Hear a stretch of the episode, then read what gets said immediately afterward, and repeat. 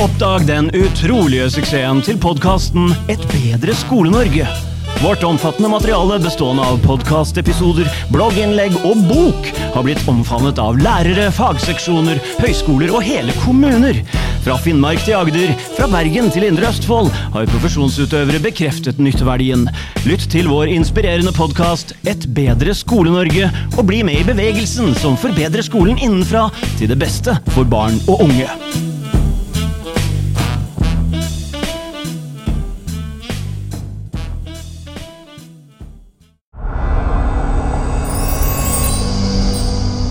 Bedre Skole-Norge. Skole-Norge.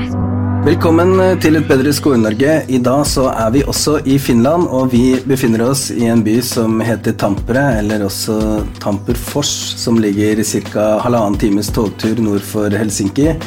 Byen ligger mellom to innsjøer som har litt høydeforskjell, så det renner en slags demning gjennom byen. Det er også trikker her og massevis av sparkesykler. Jeg har kjørt sparkesykkel gjennom byen, og da så jeg bl.a. Nokia-stadionet. Og så så jeg også en kirke med vakre kupler som minner meg om den som er på Den røde plass i Russland. I denne episoden så skal vi snakke om hvordan den finske læreren er. Hva som kjennetegner den finske læreren. Og før vi setter i gang, så vil jeg bare begynne med en kort anekdote. For jeg snakka litt med Sanna Saroma i forkant, og hun fortjener en stor takk, for hun også tipsa meg om den neste skolen vi skal på. Og hun uh, sa at norske lærere er ofte litt, eh, litt sånn ute på venstresida og litt nytenkende og progressive, mens finske lærere er ofte mer konservative og stemmer kanskje Høyre eller et sånt type parti. Og, de, og da, det er også sånn at i utdanninga så er det sånn at den finske læreren er mer eh, Altså det er høyere snitt for å komme inn, det har høyere status i samfunnet. De tjener også bra i, sett i samfunnssammenheng. Sånn at det er akkurat som det er litt stor forskjell på hvem den norske læreren er, og hvem den finske læreren er. Om det stemmer, det får vi finne ut. Nå skal vi snakke litt om eh, hvem den finske læreren egentlig er. Hva som kjennetegner den finske læreren. Et bedre Skole-Norge. Skole-Norge. Then we're back, and uh, I'm, uh, I was uh, doing this Norwegian introduction and talking about that uh, in Norway, lots of teachers are kind of left wing and a bit radical. They are working in schools and it's a bit, uh, I would say, progressive, and they always want to do new things. And also in Norway, I would say the system is kind of struggling because uh, teaching is not, it doesn't have this high status uh, in the society. So it's uh, fewer people who's uh, becoming teachers and uh, and different kind of problems. But to me, it seems like uh, teachers in Finland is is like the cornerstone of the quality of the school. And um, I want to just uh, explore a bit uh, what what is typical for a Finnish uh, teacher. Yes, I think in uh, traditionally in Finland, the teacher occupation has been really respected career option. So the young people have find it like uh, that could be my uh, my dream job. Uh, that is a good option. So we have in Finnish schools really motivated teachers.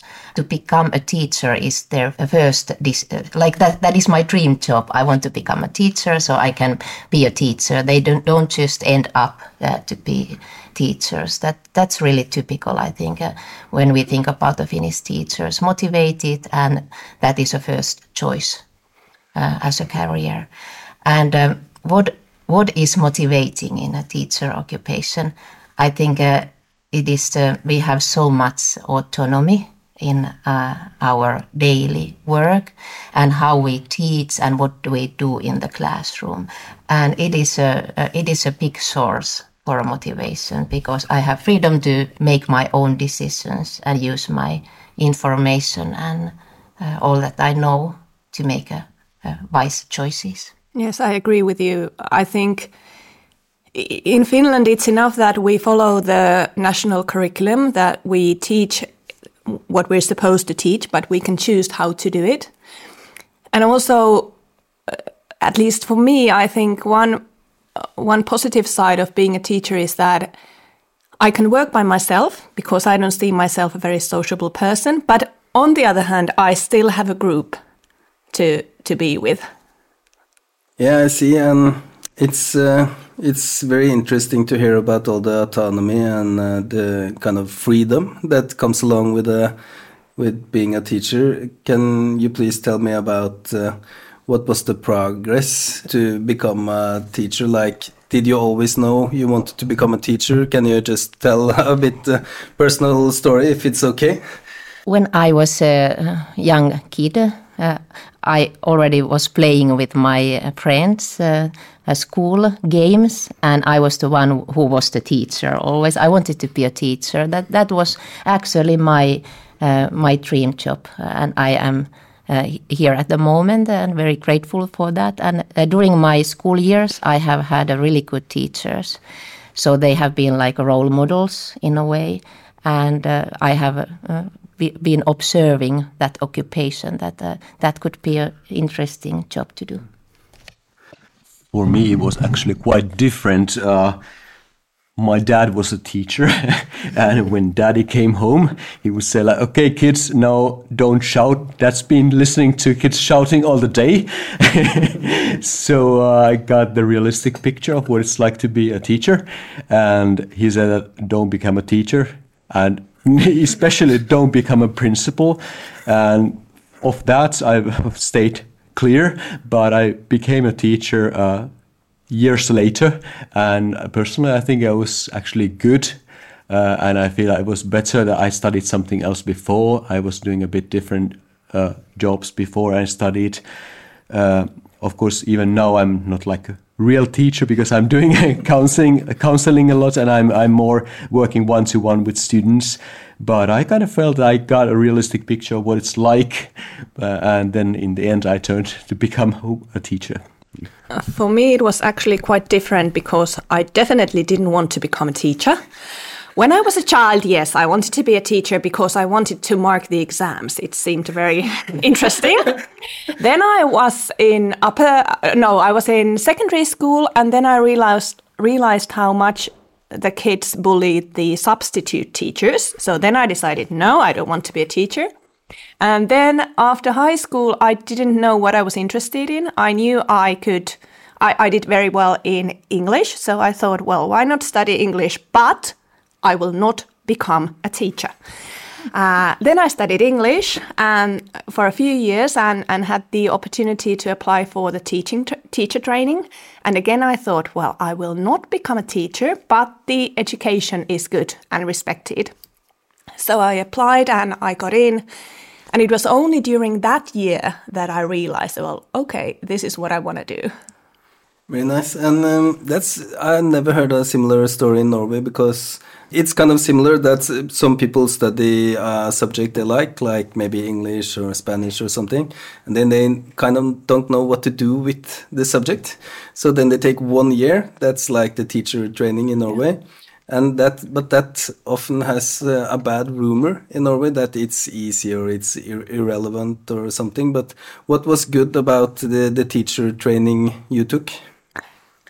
I don't know. It allowed me to see what it was like to work with uh, children. Of course, I already knew then that my first choice would be upper secondary school or high school. I, I knew I didn't want to be in the primary or secondary school where I ended up. but uh, I don't know the all the theoretical aspects as well about education and psychology and all that. It was very interesting to me, and, and I like that I got to plan how I wanted to teach certain things. I could try new things. Of course, the schools where we do the teacher training are specialized in a way that the students know that there are these trainees and they are ready to take on whatever they come up with. so it, it's not a very realistic environment to to do the training uh, because I have to admit that the real life is different. Mm. Mm. During the teacher training, the practical period was excellent uh, when you go into the school and you actually need to plan the lessons and uh, do them, it, it is good practice. But I agree with Heidi that uh, when when you graduate and you go to the real life, it might be a bit a shock. or the maybe the uh, class sizes are bigger, or the students don't uh, act in a similar way, and you need to find uh, be creative and find ways how to keep students motivated and focus on the tasks that they need to do. Yeah, I had the similar experience. I well, I did the teacher training first, and then I did the guidance counseling studies. And uh, I think for me, what was important was that from the I'm originally a theologian, and I always felt that I wanted to do something to help fellow people, and I felt that this um, in in teaching that could be also something I could do. Uh, I think the teacher training uh, was idealistic, as, as you guys said, and the same for the study, uh, student, uh, guidance counseling, ed- education, even more so. I've never reflected more in my life. It was a lot of reflecting, uh, which was, I think, it was good. But um, I think also it's it's good to start with the idealistic way if you are a nihilistic student at this uh, teacher seminar, it's it's not a good future for you. So I've of course you need to tune down a bit to the real life, but still I kind of like the ideas, and I'd still like to act according to the idealistic principles that we got there. So yeah. I've heard lots uh, about uh, teacher training in in Finland, and I have understood that it's kind of difficult to to be a school that's a teacher training school or something. It's like uh, it's like uh, anyone can't become a, a teacher training school, from from my understanding. And is it like is it also like all these demands, or you you have to perform at a certain level to get through, or how how is is it like a, a kind of strict system that somebody don't get through, and uh, how, how is it? Well, uh, as for the schools that get to do the teacher training, it's only the state schools. Normally, schools are are run by the municipalities, but the teacher training schools are always state schools, and there are. I don't know how many there are in Finland, but for example, there is one in Tampere. There are a few in Helsinki, one in some other cities around Finland. So there aren't very many of them. So I guess it is regulated in that in that sense, but uh, for you to for you to get into the teaching business in the school, it's not that different. You don't have to have any special qualifications to be a teacher in a teacher training school. That I think that job will teach you. Yeah. and how um, how is the process when you get the job as a teacher?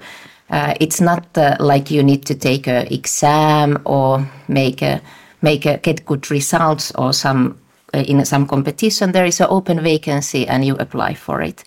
And uh, what what is important that you have the qualification, the formal qualification, and maybe then some work experience. And then the schools are making decisions who they are going to hire. So there are not like exams or anything like that. I can apply open vacancies, and the school decides if I am a, a good person to that institution. Of course, we do need the, as they said, the formal qualifications. We need to have in order to get a permanent teacher position, you need to have done the, the teacher training. And of course, you also need the university degree. And you get a diploma or a certificate or whatever. Uh, you need to show it when you apply for the job, of course, but I don't really know if they care what your grades are in, the, in it. you might have to give a give an example of your teaching methods at some school Mm. Or or sometimes you just go for an interview and then they look at your your well your education, then work experience and your overall suitability for the working community. Mm. Okay, um, I'm getting an impression, and what I've also heard is that I guess in Norway, if you work at upper high school, you you need one year with the subject. So if you teach, for example, in religion, you only need one year at the university with religion. But here, I guess it would be much more. Yes, in in Finland, you need five years, I think. Oh, with yeah. the religion. Uh, well, it. I think the five years includes the teacher training as well, which is one year. Uh, It depends on uh, which level of education you are working. Like if you are working in the secondary level, like we, uh, so we need to have a master uh, degree on the subject that we are uh, teaching, and then one year teacher training experience. And if you have more than one subject, the less is enough. You don't need to have all of them, like five year master degree. But if you are uh, working in the basic education as a classroom teacher, it's different. Then it's uh, less, uh, less uh, like a university yes. studies unit. You would still have, need a master's, but it's just made up differently. You would be doing this basic the training for the classroom teacher for, say, it's probably uh, like one year for all the subjects. Then you do the teacher training practicum, and then you study education as your major. So it's a bit different. Yeah, I see. Okay, uh, let's uh, talk to the students because now I'm really excited about how they experience the teachers, and that's uh, always something people like to talk about. Uh, sometimes when I take the bus uh, home, I can listen to the teachers just talking about their teachers in the bus. So it's it's a subject. Uh, often, if I meet l- like young relatives, they talk about it, their teachers. So teachers are being talked about. Um, what are your experience if you if you should kind of um, talk about the typical Finnish teacher? What is the, what, what is a typical Finnish teacher like? Um, I feel like it's pretty hard to determine a, like a specific type of teacher that everyone would be because it's a very like individual job or like Yeah. you can see the person's individual self in the job. But um, most teachers that I've ex- had experience with are like very passionate about their jobs in Finland. I I feel like, or sometimes it's a good thing and sometimes it's a bad thing, because sometimes they might be a little bit too excited or too too kind of like passionate or like mad even because they're so passionate. But um, I also feel like most teachers that I've had are kind of like friends to me, or at least the ones that I um, got to know during the seventh until the ninth grade, so the junior high school or whatever it's called. Um, um, like I follow them on Instagram, and like sometimes when I see them at the store from like um, my hometown, I might like say hello and ask like how are you doing, and it's like a bit different than in other countries maybe, or I don't know about Norway if it's like a bit of the same thing, but at least in Finland it's very like we're very like friendly towards e- each other. Mm. Yeah. Yeah, and in our school too, I think most of the teachers are like building up some social relation with like every individual student. Mm. So you can, they ask you like how are you doing and stuff like that. That mm. like you wouldn't think that teachers ask from the their students. Yeah.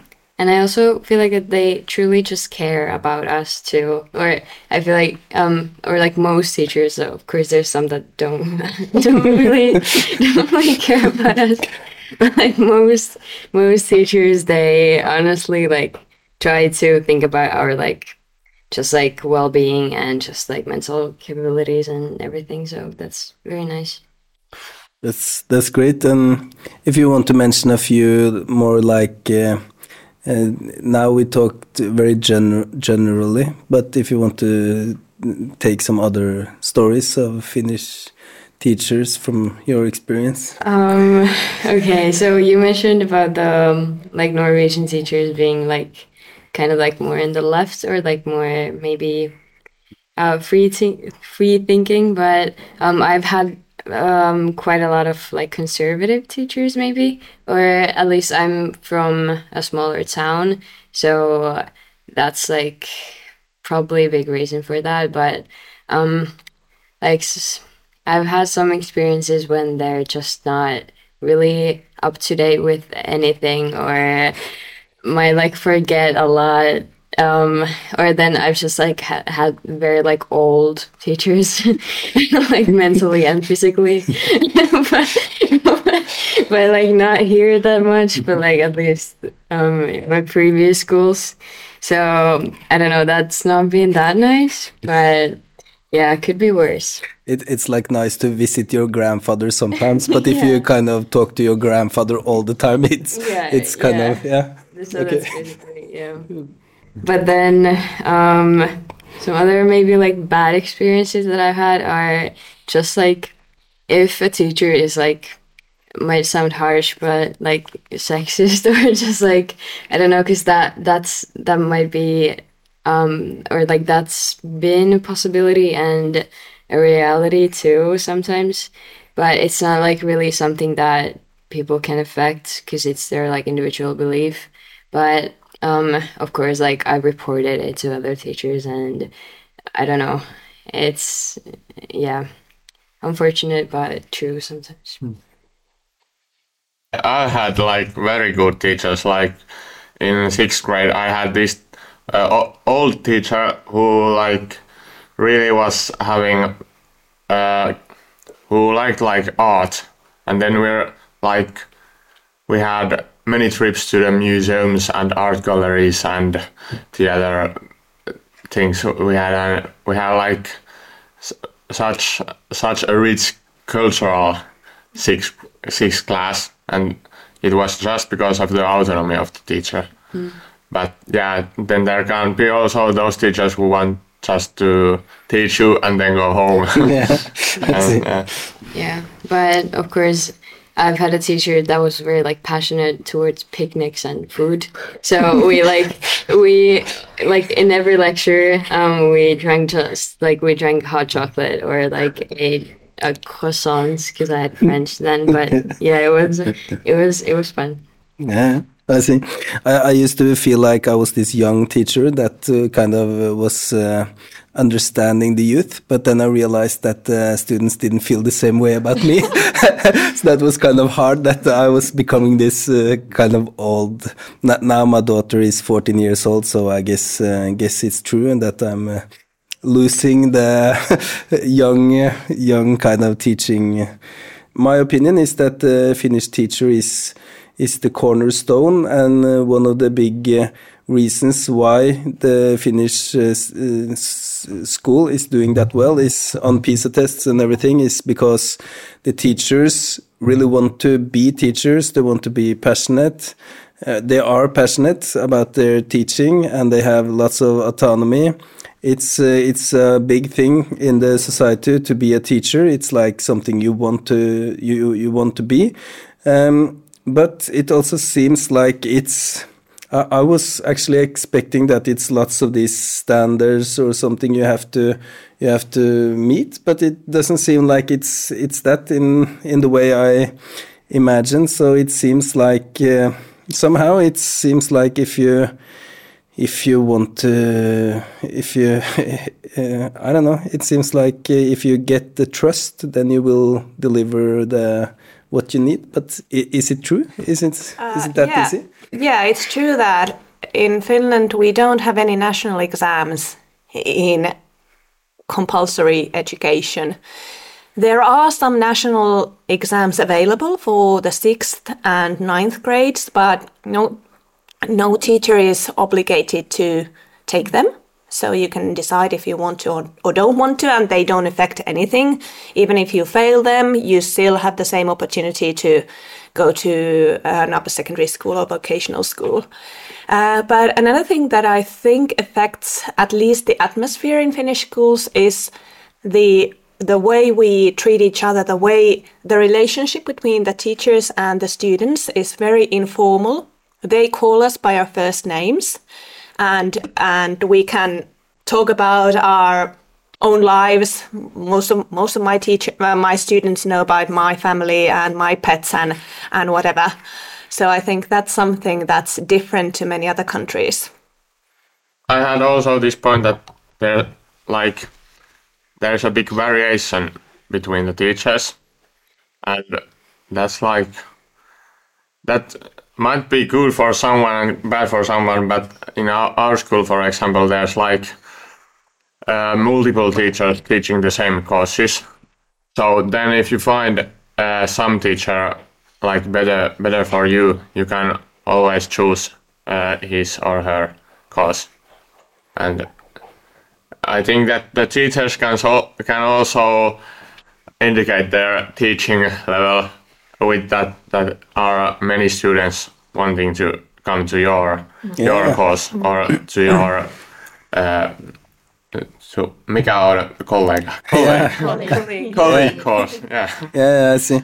That uh, because if it's popular, then uh, then you're doing something right. So you can just keep doing that and uh, maybe uh, elaborate some new courses. Uh, also because you know what's working and what the kids like. So it's uh, yeah, Yeah, and, I- and at least I uh, I want feedback after every course, and if there is something that the students have, well, not to complain about, but ideas on how things could be improved, then I, I take them under advisement and I, I try to think if it would be possible. And in fact, uh, after this period, it was last week or this week maybe, I got a few very good suggestions from students, and I think I might try to work on them.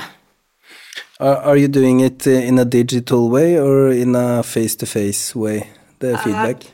The feedback is after the exam, which is digital, so Yeah. they can write their, their feedback.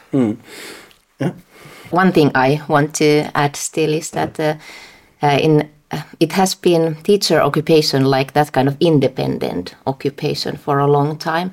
But I, I think I have been working as a teacher almost 20 years, and I, I, am- I am seeing the shift at the moment that we are um, we are going towards like working together also. We have a lot of like cooperation with the colleagues. Like if we get that feedback we can then reflect together with the colleagues which is really important also to discuss with the colleagues uh, in the teacher lounge uh, and plan the coming courses together. So working together is uh, becoming more and more common i think as a teacher. Yeah, that's great. Da har vi fått et tydeligere inntrykk av hva som kjennetegner den eh, finske læreren. Og det er overraskende nok eh, særlig autonomien som trekkes fram, også det at man har frihet, man kan samarbeide med andre, men så er det også denne strukturen som ligger i bånn, som virker veldig viktig, at man har disse seksukersperiodene med ulike kurs, som man også får feedback på, og da kan man hele tida justere kursen og, og bli bedre og bedre som lærer. Og så er det det at det er ikke én måte å være en god lærer på. Det fins eh, det finnes utrolig mange måter, og det samsvarer også med forskningen som vi har gått gjennom i episoden med Terje Ogden. Så hør gjerne den på nytt hvis du ønsker å dykke dypere i det. Tusen takk for at du hørte på. Vi er i Finland en stund til, så bli med i neste episode også. Vi høres. Et bedre Skole-Norge. Skole-Norge.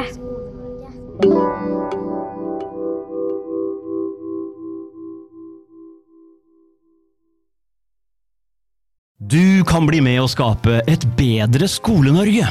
Podkasten har allerede rundet 100 episoder, fulle av forskningsfunn, oppskrifter, suksesshistorier og praktiske løsninger. Gjør som 60 000 andre, eller hver tredje lærer i Norge. Bli med på reisen mot å skape en bedre fremtid for barn og unge. Et bedre Skole-Norge.